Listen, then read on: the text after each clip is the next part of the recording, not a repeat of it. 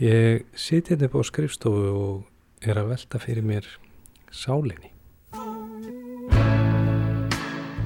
Þessu þókukenda og í rauninni dulafulla fyrirbæri sem við tölum svo oft um.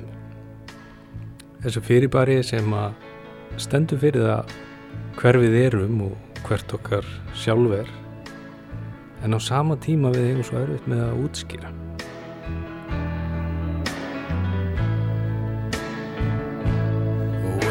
Sad and when you're lonely and you haven't got a friend just remember that death is not the end And all that you held sacred falls down and does not mend. Just remember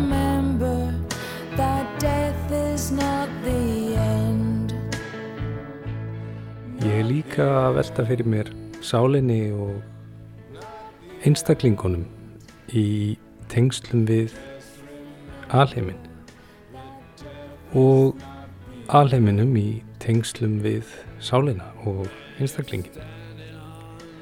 Allt eru þetta efni sem við ætlum að skoða í dag. Just remember that death is not the end Já, góðan daginn, er það Árni Árnason? Það er hann. Já, hefur trösti heiti ég er að ringja það frá setti rannsóknum til að það gott að vera möguleik til að fá þig til að svara einhver lögleipi spurningu frá okkur. Já, endilega. Trúið þú að líf eftir dauða? Já.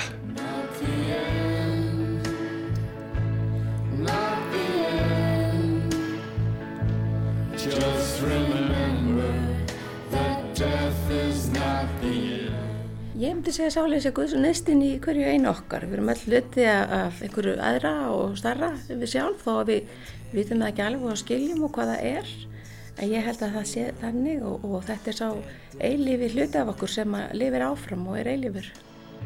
En náttúrulega er þetta ekki dauði fyrir sálinu sem slíka, þetta er bara fluttningur og, og eins og við fá, sem miðlar fáum að heyra hinum einn er að það er fylst með okkur hér.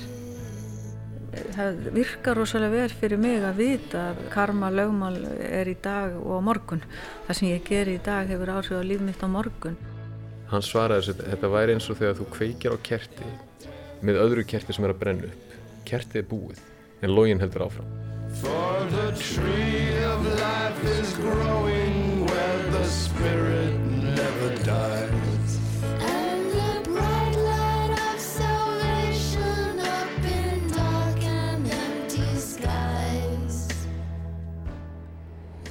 Ég er stattur í Hamraborginni fyrir utan hús Sálarnarsvunafélags Íslands. Það er alltaf að hitta Báru Sigurjónsdóttur, fórseta félagsins og Davíð Guðmundsson er rittaraðis. Og ég ætla að ræða þessi þau um félagið og spiritisma og, og fleira. Þessu tengt. Skulum kíkja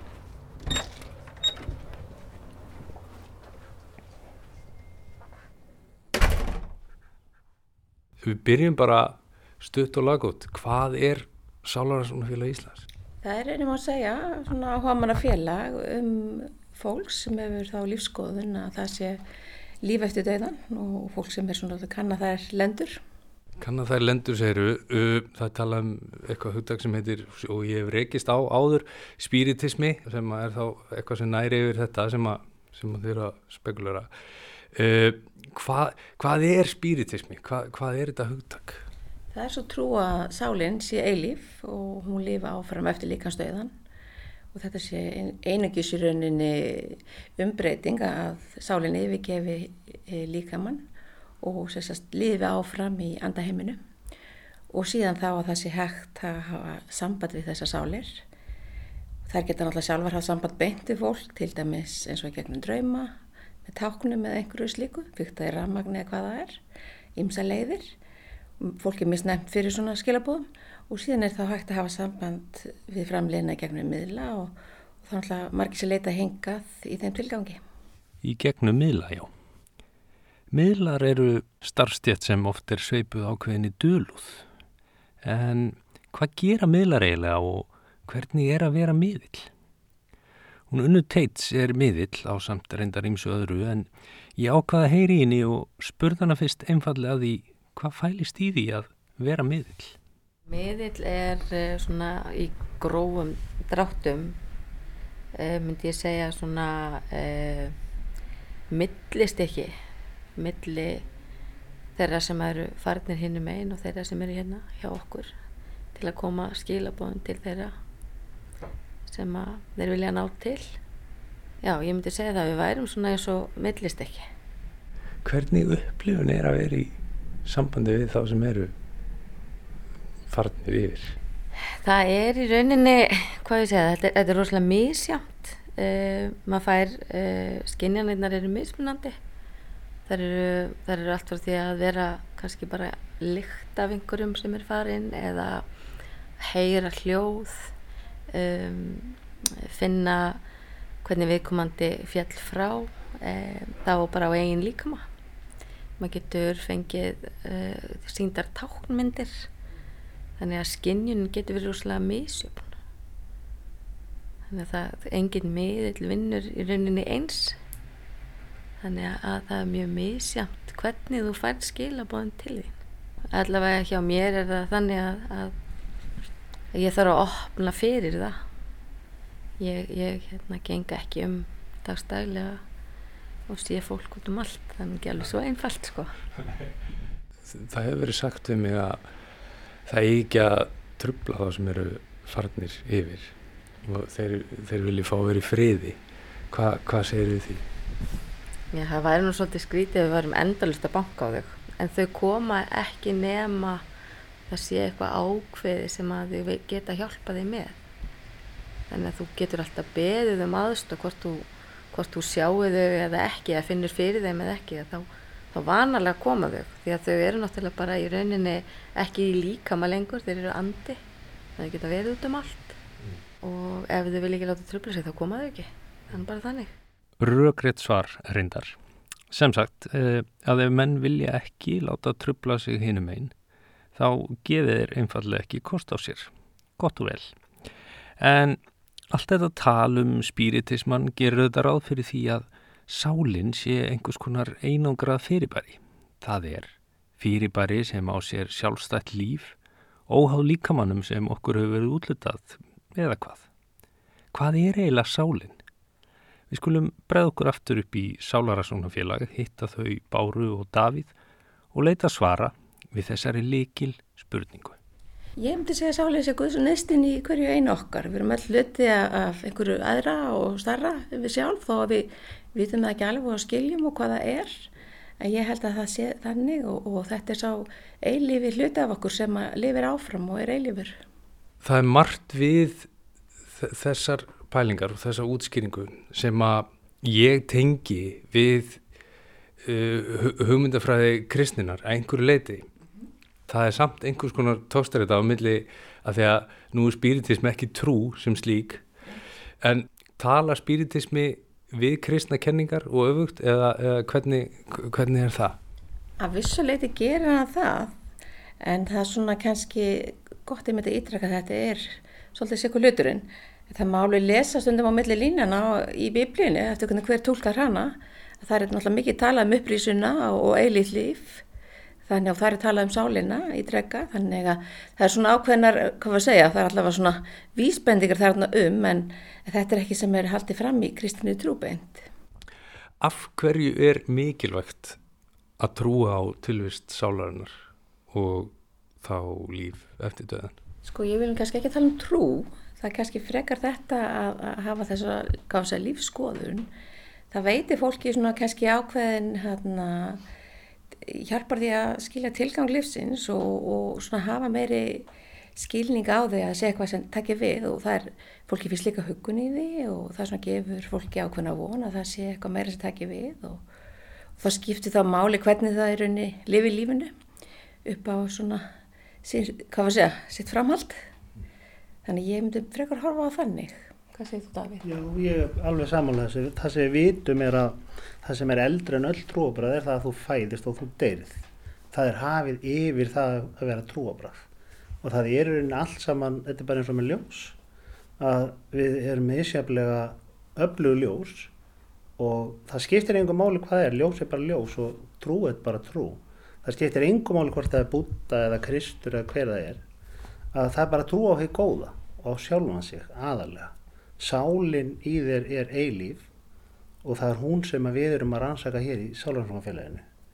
Það er að finna út hvernig tengingarnar eru við sálinnar og það er mjög misjamt á milli manna.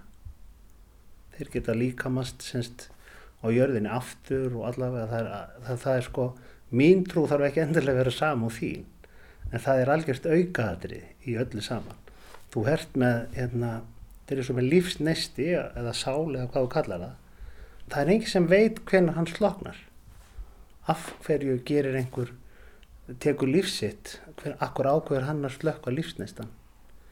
Ef einhver, sko, sálfræði er fræði en það er ekki hægt að taka sálina út úr því að tala um að andast þegar þú deyrð og það segir sér í orðinu sjálfu að andast, þú verður að anda og það er það sem við erum að vinna með hér alla daga. Eins og við heyrðum hjá þeim Báru og Davíð þá er spiritismi ekki trú í eiginlegum skilningi þess orðs. Ég kom aðeins inn á þetta með henni unni miðli líka. Fyrir mér er, er lífi lærdómur og lærdómur sem þú tekur með þér áfram eitthvað meira. Hvaða verður þetta hinn meina við fáum svo rosalega lítið að vita þóttum séum meðlar hvað, hvað við tekur.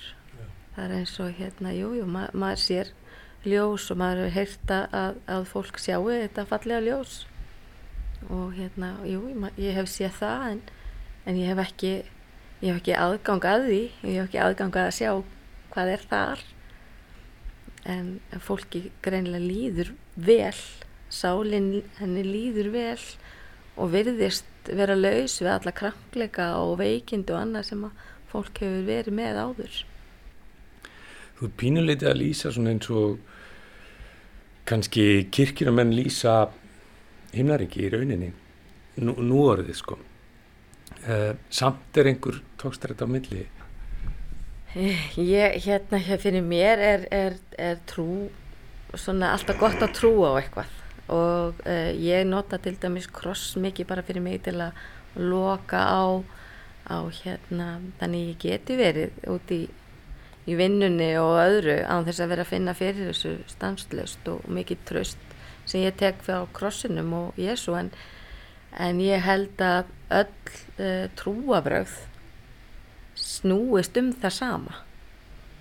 Þannig ég held þetta sé bara sko húlkun í rauninni á hverju landi og hverju þjóð að, hérna, að tilenga sér þá er þetta alltaf snýst þetta alltaf um kærleika þetta snýst alltaf um frið og þetta snýst alltaf um að vera e, nánga kærleika og þannig að, að hérna, og það tala allir um þennan annarkvort guði alveg að búta fyrir mér er þetta bara ljós, orka ekki einhver, einhverjir kallar mm. eða, eða konur við veitum það ekki, eldur bara orka. Og hérna þannig að við samanjast öll í þeirri trú að, að þetta sé basically kærleikur þá væri nú kannski lífi pínu léttara hérna á jörðinni. Já, ég, ég held að það sé óvægt að taka undir það. Og kannski er einmitt vandamálu ofta að hlutinir of persónugerir uh, Dauðin er aldrei persónugerður. Uh, eins og einhvers að maður setur upp svona rött Dauðin hérna eigum við að eigum við að hræðast hann uh, og eigum við að eða eigum við að pæra meir í honum eða hvað finnst þér? Sko döðin fyrir okkur sem erum levandi er náttúrulega endalokk og auðvitað hræðist fólk endalokk að þá ertu farin sem líka minn á personan og getur ekki haft uh, já, eins og við orðum það hér þú veist, þú getur ekki verið í samskiptum við fólkið þitt eða fylgst með fólkinu þínu og, og þetta langar manni að vera sem lengst og, og lifa lífinu sem lengst. Þannig að, að auðvitað hræðust við þann dauða. En, en náttúrulega er þetta ekki dauði fyrir sálinu sem slíka þetta er bara fluttningur og, og eins og við fá, sem miðlar fáum að heyra hinum einn er að það er fylst með okkur hér og þau hinum en eru tilbúin að hjálpa en við þurfum að byggja um það. Þau get ekki stíið inn og bara hjálpa heldur þurfum við að byggja um það hjálp. Og hún þarf að vera raunsæ, hún má ekki vera óraunhæf. Og fyrir mér er, er það að finna fyrir því að fólkinu hann hinn með ekki já, væntum eins og fólkinu hér. Það gefur mér ákveðna ákveðna ró. Mm. og ég held að, að mætti alveg tala um dauðan sem sem bara í rauninni viðskill en á sama tíma hýttust við alltaf eitthvað aftur Já. þannig að ég held að við ættum ekki beint að hræðast hann en auðvitað er hann sorg það er meiri sorg í, í, í dauðanum heldur en gleði og það er meira aðstatendur heldur en endilega fólki sem hveður og maður sér það kannski sérstaklega á, á fólki sem hefur búið að vera mikið veikt og búið að þjást mikið. Að það oft býður eftir því að fá að fara. Og þá er það kannski létt fyrir það þótt að sorgin sittir svolítið eftir. Held að, held að sé meira svoleiði sko. En hvað hérna nú veldi ég aðeins fyrir mér sko gott og blasan en hvernig veistu að þetta sé raunverulegt? Góð spurning Þegar maður hérna sér eitthvað og, auðvitað hefur maður oft hugsað um það hvort maður ætti kannski heima frekar við sundum blá heldur heima hjá sér. Þegar maður lendir í þeim aðstæðum að, að, að kannski vera að koma með skilabóti fólk sem að eru kannski mjög svona basic en, en hafa samt djúbstæð áhrif. Ég held að, að þegar þú finnur stert fyrir fólki og þú finnur fyrir því að þeir sem eru farnir að þú finnur fyrir hvernig þeim leið áður en þau fóru. Oft koma þau til með að segja þér og leifa þér að finna uh, hvernig þau dóðu uh, og þegar þú kemur með upplýsingar til viðkomand sem að þú hefur aldrei geta vitað um þá náttúrulega getur maður ekki efast um að maður sé ekki að finna fyrir einhverju. Og þetta er, þetta er gott, þetta er jákvægt um, og það sem að mann alltaf reynir að og byður um það ef maður er að vinna fyrir, fyrir þessa einstaklinga hana hínum einn að það náttúrulega byður maður um að það sé gert í kærleika og að fólki sem að kemur til maður að það fái að finna fyrir því að það hafi upplifað að vera í návist þeirra sem að þeir sakna Hvaða sannanir höfum við fyrir því að, að, að þetta sé svona? Það er tilfinningin sem við hefur inn í þess Sko, það er, ég myndi að talandi um svona sannanir, það hafa alltaf verið að gera margar rannsóknir, eh, sérstaklega alltaf erlendis, svo er til ákveðin grein sálfræðinar sem er parasálfræði. Og ef þú kynnið þér hana, það, hún kannski er ekkit, eins og maður sé ábyrðandi, en þar er svona niðurstöða þeirra er að það sem meiri líkur en minni, að það séu sem sagt til líf eftir, eftir líkamstöðan og sé, þessi fyrirbæri séu til. Þannig að það er það sem, það er rannsóknir hafa sínt það en það er aðeinsvort að kynna sér það. Maður er alltaf að leita þessum sögurum og þá spyr maður alltaf sko hvað hva segja vísindin? Hvað segja vísindin okkur meira um, um sálina? Þau segja okkur að séu meiri líkur en minni að sáli lifi áfram og það sé hægt að hafa sambandi við sáli sem eru farnar og þær geti hafa sambandi við þá sem eru í arvist eða kjósa að gera svo. Og svo náttúrulega hafa þeir sem að hvað var að segja, hafa reynsluna og hafa ég bæði fólk sem starfar hér eins og miðlar sem eru má segja svona alltaf útskýra þetta umfalt fyrir fólki sem að kannski hefur aldrei komin allt þessu. Þá má segja að þeir séu svona miðlandi séu svona eins og símin á milli þessara heima og veit að fólki tækifæri til að heyri svona fólki ofugt. Og fólki sem kemur kannski má segja sorgmætt og, og, og svona vantar svolítið að finna tilgangin eftir í lífinu eftir, eftir erfiða missir. Það því er huguna að fá kannski svona ákveðna sannanir fyrir það að sé eitthvað meira. Og rauninni að jarfisin sé bara eitthvað sem er eins og maður segir skamvind og, og það sé ekki langt í að þau verða aftur sama með þessum ástunum og ný, bara öðrum heimi. Einn pæling. E, byrjum við hér? Nei, við erum heima heinum einn ég er inn í andaheimin, við erum andað fyrst og fremd í líkama. Já, e, bara það að þið Þegar þú sagði þetta fór ég að hugsa, ok, er þetta kannski það sem, að, það sem við komum fyrst til að læra? Sko að því að þú varst að tala um vísindin og hérna allt svoleiðis. að þá vitum við það að þegar manneskja kveður að þá léttist úr um 21 gram þetta vita vísindamenn hvað er, þessi, hvað er þetta 21 gram og ég segi það þegar við talum um DNA þetta er þitt DNA í andanum og þetta er það sem þú kemur til með að nota þá segja svimir býtu ef þú ert 21 gram þá getur það valla svifið. Þannig að þá ertu vantilega jörðin. Þannig að þess vegna eru við kannski meira sínileg á jörðinni. En þú getur trúa hver og einn hefur sína trú það skiptir einhver máli. Það sem er vitað vísindarlega er það að við erum á þessari jörð. Kannski er þetta himlaríki þitt. Þú veist ekki um það. En sálinn getur sagt eitthvað annað. Áhugavert Áhugavert líka kannski að hugsa um jörðina í þessu samhengi uh, jörðina og framtíðinar Fleiri staði. Já, já. En, en, en, en hvar er þessi staðir? Það er nú kannski ekkit auðvöld að segja það, þeir sem hafa sko sjá aðra heima, þeir vilja meina að þetta sé nú ekki langt undan, að það sé rauninu bara önnu tíðinni sem við mannlega augan nefnum ekki. Þannig rauninu sé þetta svona svolítið bara svona, hvað var að segja, sem við tala um þetta sé kannski rétt fyrir ofan, ég veit það ekki, sem ég segi þetta sé bara svona meðaloss, en þetta er allavega miklu hraðari tíðni sem við nefnum ekki með mannlega auga, er okkur sagt, nema þeim sem eru sjáendur og hreinlega geta séð þá sem eru framliðina og, og, og, og geta farið, margir fara, ja, sumir geta farið sálförum og þeir fara hreinlega í, í heimsókn í andaheimin. Það talaði um að þegar fólk sé að dreyma þá sé það stundum í heimsókn í andaheiminum. Þannig að þetta er mjög nær okkur heldur við höldum held ég. Við getum allavega sagt það. Frábært. Ég hugsa að vera gott líka að svona kannski taka það fram að, að þessi bönd á milli ástöðuna þrófn ekki þó að fólk sé farið. Og það er mikið vægt fyrir fólk að, að átta sig á því og ég held að fólk sé svolítið að sækja í það þegar það er að horfi þessa átta og svona að kynna sér þetta og, og sjá svona hvað er, hvað er verið að gera með í rauninni hvað spiritismin svolítið snýst um. Það er þetta að hafa þessa sko tiltrú að, að það sé eitthvað sem taki við og þú getur því nástunni séu í rauninni tengdi þér ennþá. Fólki finnst mikið hlukkun í því. Já, ég held við getum flest tengt við þá lungun að vilja halda sambandi við ástfinn okkar eins lengi og mögulegt er. En ennþá eru áþreifanlega sannanir í bestafalli vafasamar. Duncan McDougall, læknir frá Haverhill, Massachusetts, framkvæmdi árið 1907 tilraun hverjar markmið var að vikta sálina.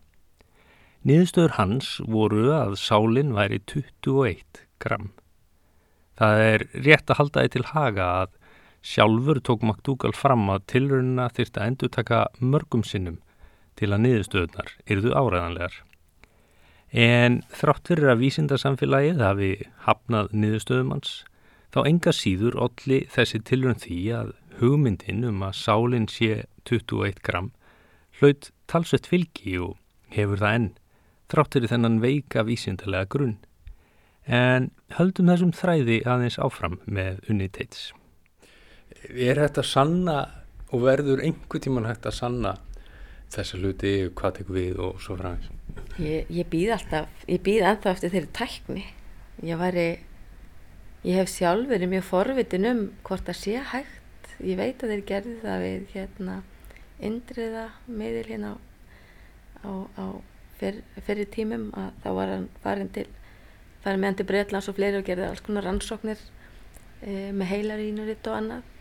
Þetta væri það áhugavert að skoða hvað gerist og ég held að enginn yrði eða einhver yrði fleiri, meira gladari með það að var hægt að staðfæst þetta heldur en þeir sem starfa við þetta því að, því að þetta er ekkit endilega starfsvettvangur sem maður auglýsir mjög mikið. Nei. en ég vona það að verða einhver tíman hægt að sanna það að sé hægt. Kanski sanna tilvist sálarinnar, menn hafa náttúrulega reynt að vikta hana og eitthvað svona, það er svona kannski umdeilanlegt hversu, hversu áræðanlegt það er. Já, ég, þetta er náttúrulega bara orka. Þetta er, þetta er orka eins og við erum í allt í kringum okkur er orkur. Meina, það er rafmagnsorkur og það er alls konar orkur í kringum okkur og, og það er sagt að við séum í sjö líkumum eða svona áru líkumum og, og það er hægt að fara inn á áru orku stöðvar og þetta er svo rosalega viðtækt og ef við myndum fá að sjá þetta allt saman, ég er ekki endilega viss um að, að heilin okkar myndi endilega geta tekið á mótið öllu sko. Eflustu það er rétt líka sko. Ég, eitt af því sem ég lit gera þegar ég fór í laðast að þetta ferðalágar, ég lit gera konnun og ég er búin að segja frá hluta niðurstöðum núna og, og, og eitt af því sem þar kemur fram er að það er svona helmingur þeir sem söruðu Íslendinga segjast trú og líf eftir döðan. Kemur þetta óvart, er þetta hátt látt hlutvall Um, ég, ég veit ekki, ég hérna, ég held að væri fleiri sem hefðu, sem hefðu trúið því að væri hérna líf eftir dauða. En svo finnst mér bara svolítið þjóðfélagið hafa breyst með árunum og eftir því sem við vorum meira tæknavætt og þá fannst mér einhvern veginn við fara meira inn á það heldur en að trúa því að væri kannski eitthvað andlíkt afna líka. Eh, en svo held ég þetta sé bara eins og kannski með mannkynsöguna, ég held við förum alltaf svona upp og niður og, og áfram og tilbaka þannig að Þetta er auðvitað klálega einhver náðagáa sem að, sem að meðla búi yfir. Eh, er þetta eitthvað sem að er þetta eitthvað sem menn bara fæðast inn í eða, eða þú veist, getur maður gert eitthvað til að, til að svona venjuleg manneska, getur maður gert eitthvað til að þróska hann hæfileika? Um, ég held að þetta búi inn með okkur öllum að einhverju leiti eh, eins og segi næmni getur verið rosalega viðtæk þú getur verið næmur á tilfinningafólks þú lappar inn í herbyggu getur fundið fyrir hvort fólk hafi verið að rífast þær eða ekki. Þannig ég held að flest öll hafi eitthvað. Og ef að fólk hefur mikið áhuga á annað þá er alveg hægt að þróa það. En það krefst æfingar eins og það að spila kapleik því að það er rosalega erfitt að þú ætlar bara að taka á móti öllum skilabónum þú þurft að leggja þeim reglur hvernig þú færði þetta þannig að, þannig að þú maður verði ekki bara hálf klikkað líka á þessu. Þá þarf maður að setja þeim línutnar að neinu megin. Já, það er einlega önnu spurning sko. Er, er ekkit hætt á því að menn verði bara klikkaður á þessu? Ég held að það sé alveg fín lína. Já. og, og hvort sem að það sé þá einhver ákveðin veikið sem er til staðar eða ekki það, það er náttúrulega bara örglega eitthvað personubundið sko. Þó spiritismi sé ekki flokkað sem trúabröð þá er greinilegt að upplifanir fólks tengdar þessum vettvangi eru mjög personubundar eins og reyndar í flestum trúabröðum og, og beinar vísindalega sannanir ekki á hverju strái. Það má svo aftur veltaði fyrir sér hvort það eigi yfir höfuð að vera það. En það er einmitt þetta með fullvisuna og skort á henni sem er áhugaverð pælingin í næsta hluta þessa ferðalags þar sem við ætlum að skoða hugmyndir um endurholdgun meðal annars út frá bútisma og jókafræðunum. En fyrst ætla ég að breyða mér í klippingu.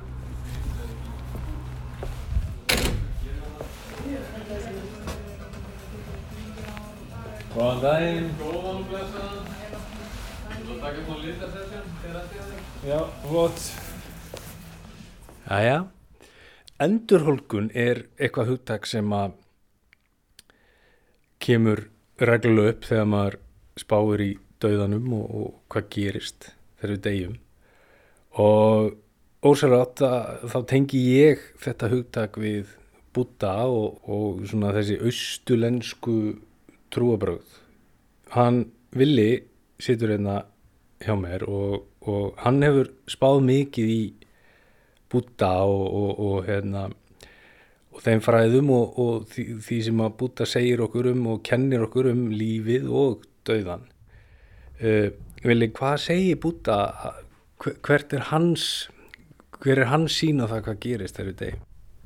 Sko það sem heitla mig persónulega mest áni við búddisma er að þeir tala um endurholkun að við getum alltaf gert betur ég hérna las grein eftir búddamú tælanska konu.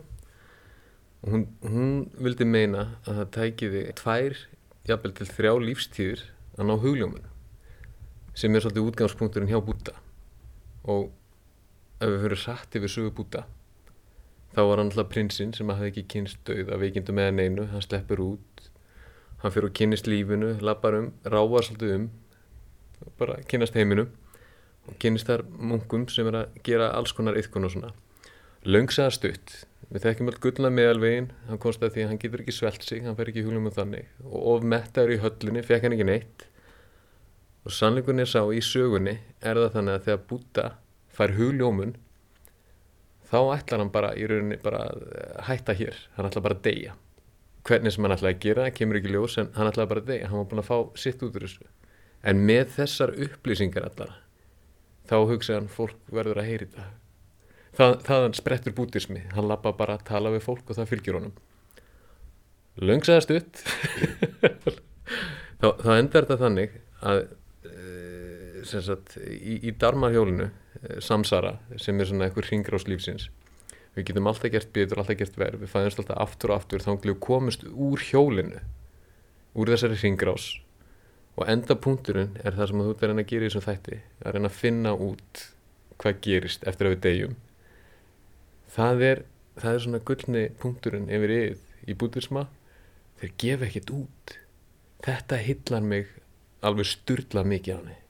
Þannig að ef ég skilir rétt þá þá segja þér ekkert hvað gerist. Nei, en, en þeir hérna mikið að rítum tala tæpitungulust en þá endur holgast og getur gert það endalust en þeir segja ekki hver útgangspunkturinn er sem er einhvers konar algleimi við talar um austurlænst, jóka og allt þetta hinduismi þar, þar endar efsta þrepi er sérst algleimi og mér finnst svona, nú, nú hef ég kynnt mér svaka mörg trúabröð ég hef verið svona andleg vændiskona ég hef bara kynnt mér allt mætt á námskilir, sér bækur og eitthvað svona og hérna mér finnst þetta svo hrókalust hvað gerist eftir að við degjum það veit það ekki nákvæmlega. Eins og með kertið, ég, ég las líka eftir annan munk að hérna það var verið að skjóta, skjóta þau svolítið niður fyrir að trúa endur holkun að koma aftur og eitthvað svona og það man ekki neitt og eitthvað þannig og þessi tiltekni munkur, ég man ekki hvað hann heitir hann svaraði þessu, þetta væri eins og þegar þú kveikjar á kerti með öðru kerti sem er að brenna upp. Kertið er búið en login heldur áfram það sé eitthvað svona lífsorka sem heldur áfram. Veist, hver, hversu marga gaglusa minningar höfu að því að nota DOS á Microsoft tölfur í gamla dag og svona, þetta þarf ekki að vera nætti 200 ára á nei. Þannig að en, en mögulega þessi lífsneisti sem að mögulega færi ykkur að visku hann má lifa áfram sko. Sjálfið er, hvað er það? Er það eitthvað sem að skiljum bara eftir? Já, þetta, þetta, þetta er rosa erfið sko. Ég, ég, ég, kyn, ég vil ekki hljóma svo sérfæðingur en í flestum rítur sem ég, hérna, sem ég leiti þá eru verið að útrýma sjálfunu áni sjálfuð, egoið, allt þetta þetta er óvinnun mm. út frá öðru austurlensku hugleisleir sem ég stundiði með að hópa mönnum á mótnana hún var leitt hún er allur sér ekki eitthvað stæðar hann á milli bútisma og jóka þar er maður, eh, sittur maður með lóku augun og eitthvað svona og það, það er leitt í gegnum eins og það sé ljósin í þér, þú sést bara ljós. Og það er einhver uppspretta af risastóru ljósu sem þú ferði í. Eh, við öll erum við eitt en erum svolítið niður bútið í hérna líkama og veist, ég get ekki lesið hugsunniðina sko. En þegar við gerum eitthvað saman í kærleik þá vitum við að við erum að gera rétt. Mögulega erum við öll eitt og sjálfið óvinnurinn allir rókir sem við getum haft all gremja gagvart okkur sjálfur sem er þá í öðrum manneskjum. Allt þetta er bara svolítið kæftæði mm. útrýma sjálfunni. Þannig að það sem endur holdgast er í rauninni bara þessi partur sem við erum af alheiminum ef við skilir rétt. Já, við erum all eitt. Þetta er annað sem eru hérna Naranda Jóka það er akkurat eitt, við erum öll eitt síðan hefur maður heyrt menn sem að segja að þú getur fundið upp uh, skriftina alheiminum í hverju einustu frumu líkamar sko. Við erum öll eitt. Við erum öll eitt sagði Vilberg Hafstein Jónsson klippari minn og mikill áhuga maður um bútisma og austurlensk fræði. Og taland um austurlensk fræði þá leiði maður ósir átt hugan að jóka sem á uppruna sinn að reykja til Indlands fyrir um 5.000 árum síðan Hvað kennir jók okkur um ákkurat þetta að vera hluti af stærra mingi? Friðsemd inn í að samþykja ringra á slífsins. Þannig að jókin þegar hann er uppljómaður, þá segir hann í dag er góður dagur til að lifa og í dag er góður dagur til að deyja. E, vitandi það að ég er bara eins og sandkorn á ströndinni svo lítil en ég veit líka að ég er strandin sjálf. Ég veit ég er einhvern veginn hlut af einhverju ringrás og get þess vegna einhverstað þegar jókin er uppljómaður eða æðrulaus ég á ekkert. Og þá getur hann sleft ég á allt. Og þá getur hann líka sleft af því að eh, við svona í vestra við hengjum okkur á. Við erum alltaf að sapna að okkur sapna okkur gráðum og, og hlutum og, en sko þannig að ef að kannski við tökum þetta lengri inn í jókafræðinu þá snýst þetta kannski meira um að deyja egoinu Við heyrðum þarna í henni auði Bjarnadóttur í jókasettrinu í Skipolti en hún er fróðari flestum okkar um jóka og þann hugarheim sem umlikur það.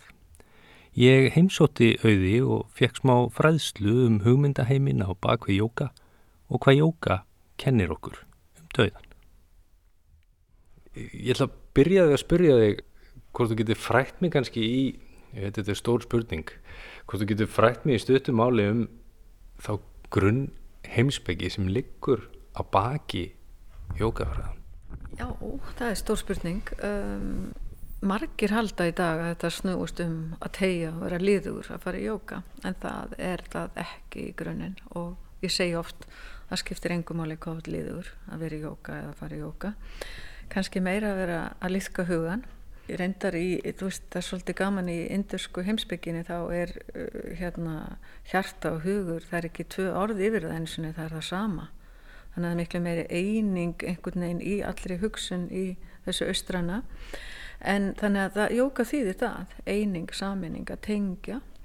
Og uh, grunnurinn er svolítið að læja öldur hugans aldrei þart í dag en, en það að fá ró á hugan svo að ég geti lifað í jafnvægi. Líffræðilega í þessum líkama í þessu musteri sálarinnar og andlega og bara verið í einingu. Þannig að bara um leið að við byrjum að anda djúpa öndun í jóka þá róast hugurinn og svo fer ég inn í ákveðna tegjur ekki til þess að bara eins og margir halda að vera liður og liðka vöðva heldur fer ég inn í ákveðna tegju til þess að örfa jafnvel nýrun og livrina þannig að þetta er svo miklu starra en, en grunnurinn er hugurinn að róa öldur hugans Hvað kennir jók okkur um, um veru okkar hérna á jörðinni? Af hverju erum við hérna? Uh, af hverju það er góð spurning um, við erum náttúrulega uh, samkvæmt jókafræðinum sálir á ferðalagi og þarna eru þetta endur holgunar kenningin í jókafræðinum karma orsök og afliðing um, ég sem sagt hérna það sem ég geri hefur áhrif. Það sem ég geri í dag það skapar morgundaginn minn og hvort sem við viljum hugsa um það í næsta lífi. Mér finnst þetta alltaf gott að það virkar rosalega vel fyrir mig að vita að, að karma lögmál er í dag og á morgun. Það sem ég ger í dag hefur áhrif á líf mitt á morgun. Svona persónlega þarf ég ekkert rosalega mikið að grubla hvað, hvernig var ég fyrir lífum þó að mér finnist ég hafa svona jafnir rekist á svona, svona tilgátur eða svona hint já, þarna er eitthvað tenging í fyrir líf og hvernig þetta næsta verður það duga mér að ég veit að, og mér sé vísendin vita hvernig ég hugsa í dag núna hefur áhrif á frumina mínar. Eh, hvernig ég hugsa hefur áhrif á tilneingarna mínar tilfinningar uh, viðhorf hvað ég geri og hvernig mér líður. Að, og svo tilbaka. Þannig að jóka er endalus ringrás endalus að ringrás Hvað gerist í döðan? Hvað gerist í döðan? Þetta eru stóra spurningar. Um, sko um, já. Ég hérna samkvæmt þessu þá er þetta svolítið kannski sumir segja sálinn sé á sveimi einhver tíma. Ég, ég hef ekki held mér í þessi fræði hvort að sálinn er á sveimi og, og hvar hún velur sér svo að líkamna sig aftur. Þetta eru stóra spurningar en, en sem sagt í jókafræðanum þá, þá eru þessi karmafræði þannig að, að dótti mín hún var, hún var fjagur ára held ég þegar hún segið við mig mamma mamma ég var alltaf að býða eftir að þú kemur svo ég geti farið inn í líkamannin svo ég geti komið til þín, sagði hún. Uh, þú veist, er þetta svona? Ég, ég veit það ekki Maður hefur heyrt svona sögur af börnum áður og í spjalli mínu við Villa kom hann inn á svipaðan hlut þegar tali snýrist að tilganginum á bakvið þetta allt saman. Ég hef pælt í endur holdgun eins og, eins og tölum um ef, ef það er eitthvað.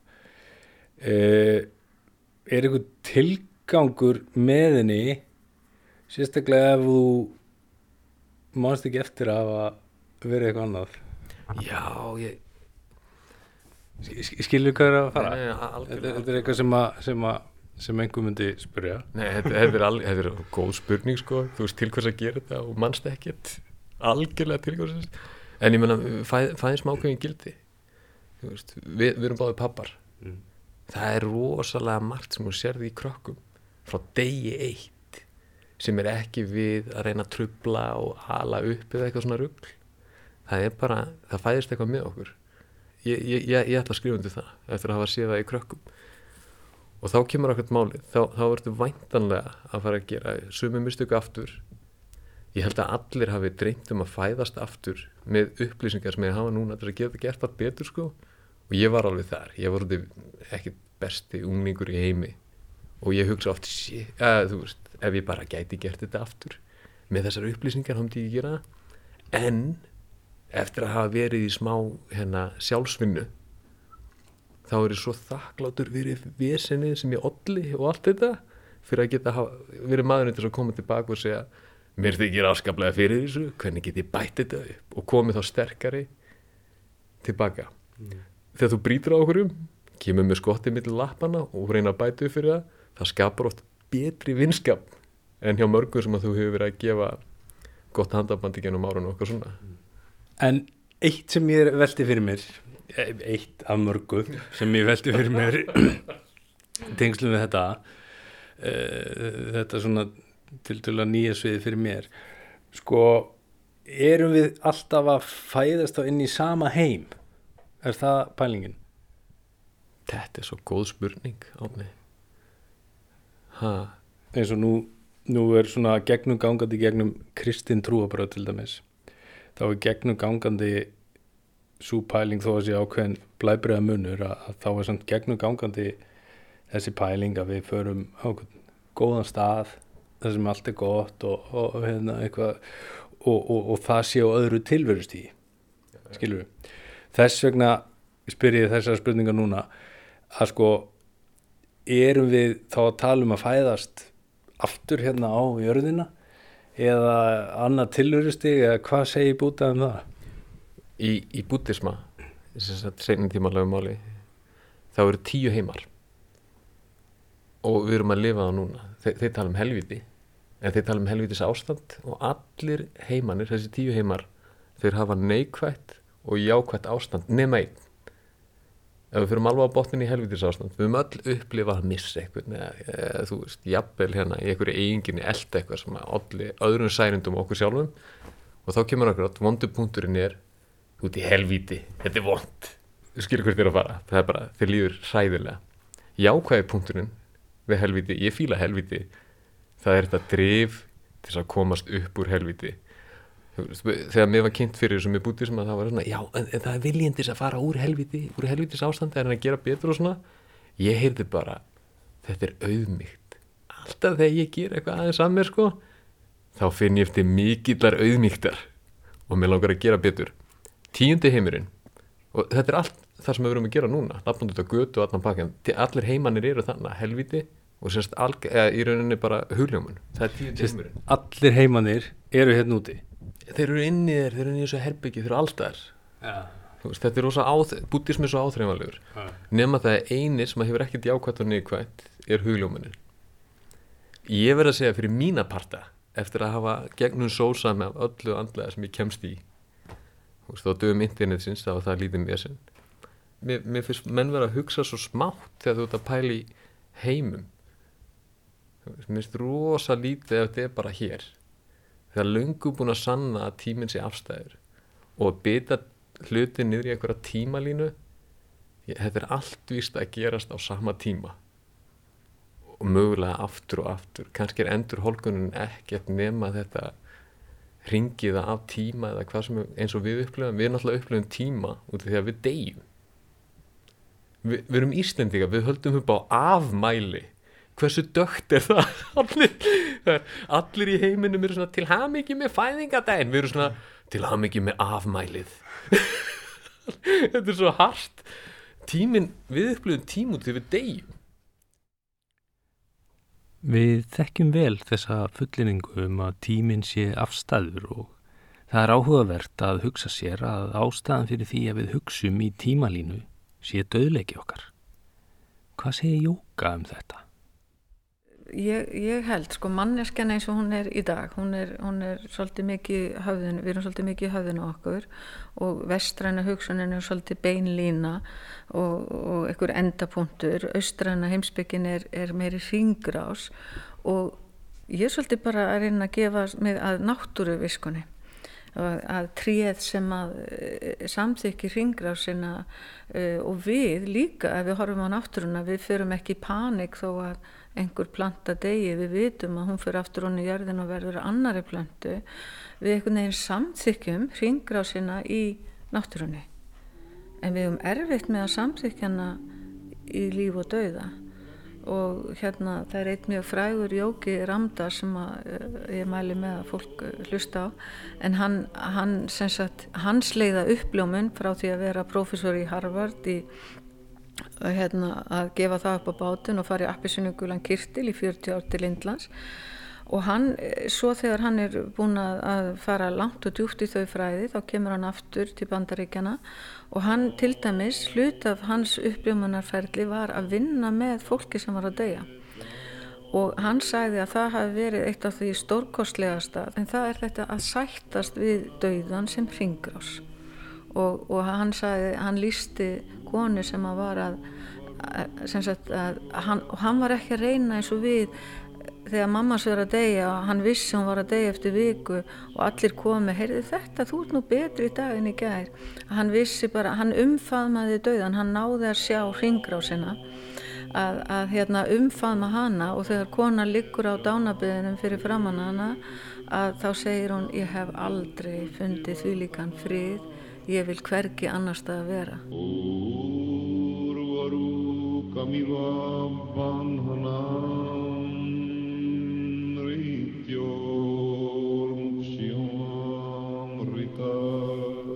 Já, það er eitthvað mjög fallegt við hugmyndina um lífið sem ringrás og þá pælingu að öll séum við tengt örlítið brot af sama menginu sem er heimurinn allt í kringum okkur en þá er komin tími á að gera þennan þátt upp. Skoða það sem við höfum lært og reyna að meta hversu líklegt sé að er grunn hugmyndir sem við höfum kynnt okkur eigi við rauk að styðjast. Við byrjuðum á því að kynna okkur spiritisma og hvaða hugum kenningar hans líta líf eftir döðan. Sankant þeim þá er sálinn sjálfstæði eining sem lifir óhá líkamann Líkaminn er með öðrum orðum bara hilki sem við búum í á þessari jörð þar til við færum okkur yfir á hann tilverustig.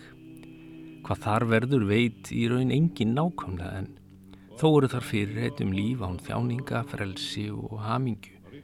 Ekki ósipa lýsingum á paradís eða himnaríki kristina. Ímsar rannsóknir hafa verið gerðar og eru stundar á þessu sviði og Áður er nefnd rúmlega aldagömmul tilrun maktúkal til að vikta sálina. Allar þessar rannsóknir eiga það þó sameigilegt að vísindarlega grunnur þeirra er veikur og sannanir liggja fyrst og fremst í reynslusugum miðla og annara sem hafa persónulega reynslu af einhvers konar samskiptum við framliðna. En á sama hátt og þegar ég mat líkur á eftirlífi í anda kristinar þá væri það hróki að afskrifa gríðanlega fjölda þessara persónulegu reynslusagna algjörlega. Það verður líka lít á það að á sama hátt og erfilega hefur gengið að sanna tilvist sálarinnar. Þá hefur mönnum heldur ekki tekist með afgerandi hættið að afsannana. Því ætla ég að gefa hugmyndinu um einhvers konar sjálfstæða sál sem lifir áfram, einhvernina frekar litla líkur. En aftur, ég útiloka ekkert. Þá er komið að endurholkuninni Hugmyndir um hana eru í grunninn frekar óljósar og til dæmis verðist bútismin frekar heiðalög með það að við vitum bara ekkert nákvæmlega hvað gerist. Alveg eins og með spiritismann þá eru áraðanlegar vísindarlegar sannanir af skortnum skamti. Eitt þeirra sem reyndi að ablast líkara sannana var doktor Ian Stevenson sem var prófessor í gælagningum við háskólan í Virginju. Hans rannsóknir byggðu á því að skoða fæðingagalla eða fæðingabletti barna og bera saman við sár á því látna fólki sem passaði við minningu bassins um fyrra líf. Einni tók hann við tölu börn sem heldu fram minningum um fyrra líf og staðreinda tjekkaði þær minningar. Þó Dr. Stevenson hafi fundið fullt af dæmum til að styðja hugmyndi sínar þá hafa rannsóknar lotið takmarkaða viðurkenningu fræðasamfélagsins. Hugmyndin um ringarásina manneskjuna sem part af einhverju starra lífsjóli er þó að vissan átt skinsamleg og í raun hægt að færa ákveðin rauk fyrir henni því það er að við erum öll náttúran, partur af sömu heildinni. Ég ætla samt að gefa hugmyndinum endurholkunina sömu engun og hínar eftirlýfs hugmyndinnar, frekar litlar sem sagt, þó svo að hugmyndinum lífið sem ringar ás sé tiltölulega raukriðt. Nú höfum við afgreitt allar þær eftirlýs hugmyndir sem við höfum skoðað með einhvernig frekar litlar líkur. Fyrst og fremst af því að vísindarlega sannanir er af skortnum skamti, hvort sem það er sangjörn afgreifsla eða ekki. En þá er líklega komin tími til að skoða hvað staðrindinnar, vísindin, hafa að segja um álið. Hvað segja þeir sem trúa því að ekkert takki við? Hafa þeir vísindin á sínu bandi eða hvernig er það? Við ætlum að komast að því í næsta þætti. Og svo er það þjóðin. Ég sagði ykkur frá því í síðasta þætti að helmingu þjóðarinnar triði á líf eftir dauðan og lofaði frekar upplýsingum sem koma hér. Af þessum helmingi sem trúir á líf eftir dauðan þá trúa 40% því að sálinn lifi dauðan og við förum inn á annað tilverustig á meðan 20% trúa á endurfæðingu eða endurholgun eins og við höfum rætt hér. Nokkur fjöldi er svo óvis hvað nákvæmlega tekur við á meðan 10% nefndu Guð og þessa hefðbundu hugmyndum upprisu. Síðasta talan hljómar vissulega lág í ljósi þess að við erum jú í grunninn kristin þjóð en hafa ber í huga að eflaust falla mörg af sörunum um annað tilverustig og þannig framhaldslíf undir svipaðan hatt og upprisan. Fleiri áhuga vera staðrindir um viðhór þjóðarinnar býða næstu þátta. Þar til þá, lifið heil.